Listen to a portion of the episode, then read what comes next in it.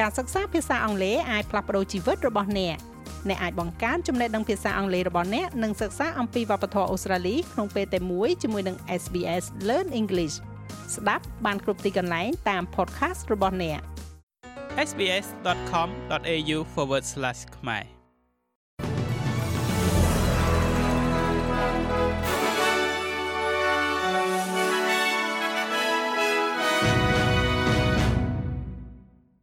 សូមស្វាគមន៍មកកាន់នេតិព័ត៌មានខ្លីៗរបស់ SPS ខ្មែរសម្រាប់ថ្ងៃប្រហ័សទី1ខែកុម្ភៈឆ្នាំ2024រដ្ឋាភិបាលអូស្ត្រាលីបានប្រកាសពីការដាក់ទណ្ឌកម្មជាគោលដៅទៅលើអង្គភាពចំនួន5ដែលមានទំនាក់ទំនងផ្ទាល់ជាមួយនឹងរបបយោធាមីយ៉ាន់ម៉ារដ្ឋមន្ត្រីការបរទេសលោកស្រី Penny Wong មានប្រសាសន៍ថាការសម្រេចចិត្តនេះកើតឡើងជាការឆ្លើយតបទៅនឹងការគៀបសង្កត់យ៉ាងខ្ជាប់ខ្ជួនរបស់របបនេះ មកលើប្រជាជនមីយ៉ាន់ម៉ាការកើនឡើងនៃអំពើហិង្សានិងការចុះខ្សោយជារួមនៃស្ថានភាពនយោបាយមនុស្សធម៌និងសន្តិសុខនៅក្នុងប្រទេសធនាគារទាំងពីរដែលសម្របសម្រួលសកម្មភាពរបស់របបនេះគឺធនាគារពាណិជ្ជកម្មបរទេសមីយ៉ាន់ម៉ា Myanmar Foreign Trade Bank និងធនាគារវិនិយោគនិងពាណិជ្ជកម្មមីយ៉ាន់ម៉ា Myanmar Investment and Commercial Bank នឹងប្រឈមមុខទៅនឹងការដាក់ទណ្ឌកម្មហិរញ្ញវត្ថុជាគោលដៅ។ លើពីនេះអង្គភាពចំនួន3ដែលទទួលខុសត្រូវនៅក្នុងការផ្គត់ផ្គង់ប្រេងឥន្ធនៈដល់យោធាមីយ៉ាន់ម៉ា Asia Sun Group Asia Sun Trading Co Ltd និង Cargo Link Petroleum Logistics Co Ltd ក៏នឹងត្រូវទទួលរងការរឹតបន្តឹងផ្នែកហិរញ្ញវត្ថុស្រដៀងគ្នានេះផងដែរ។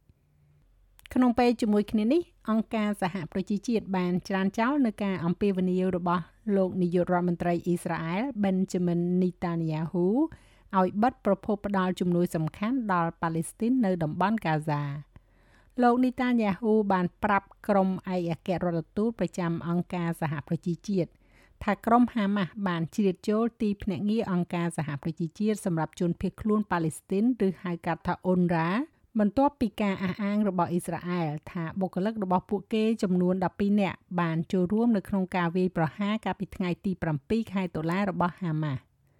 ការចោទប្រកាន់ទាំងនេះបានជំរុញឲ្យប្រទេសមួយចំនួនរួមទាំងអូស្ត្រាលី បង្កកការផ្ដល់មូលនិធិដល់ទីភ្នាក់ងារនេះដែលបានបណ្ដេញកម្មករ9នាក់ចេញពីការងារនៅមុនពេលមានការស៊ើបអង្កេតមួយ។ អ៊ុនរ៉ានិយាយថាទីភ្នាក់ងារដែលជួលកម្មករ13000នាក់នៅកាហ្សានេះ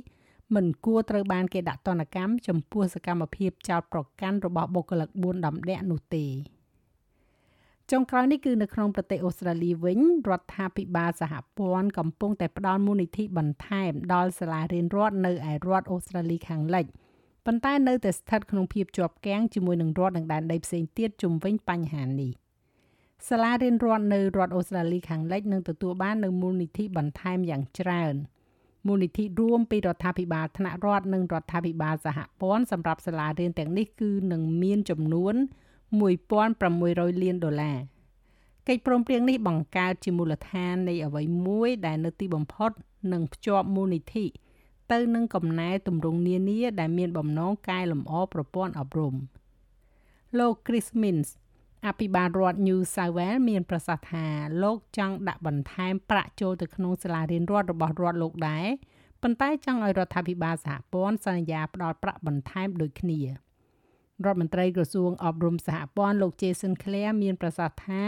លោកចង់បានកិច្ចព្រមព្រៀងជាមួយនឹងគ្រប់គ្នាដោយនៅរដ្ឋអូស្ត្រាលីខាងលិចដែរ។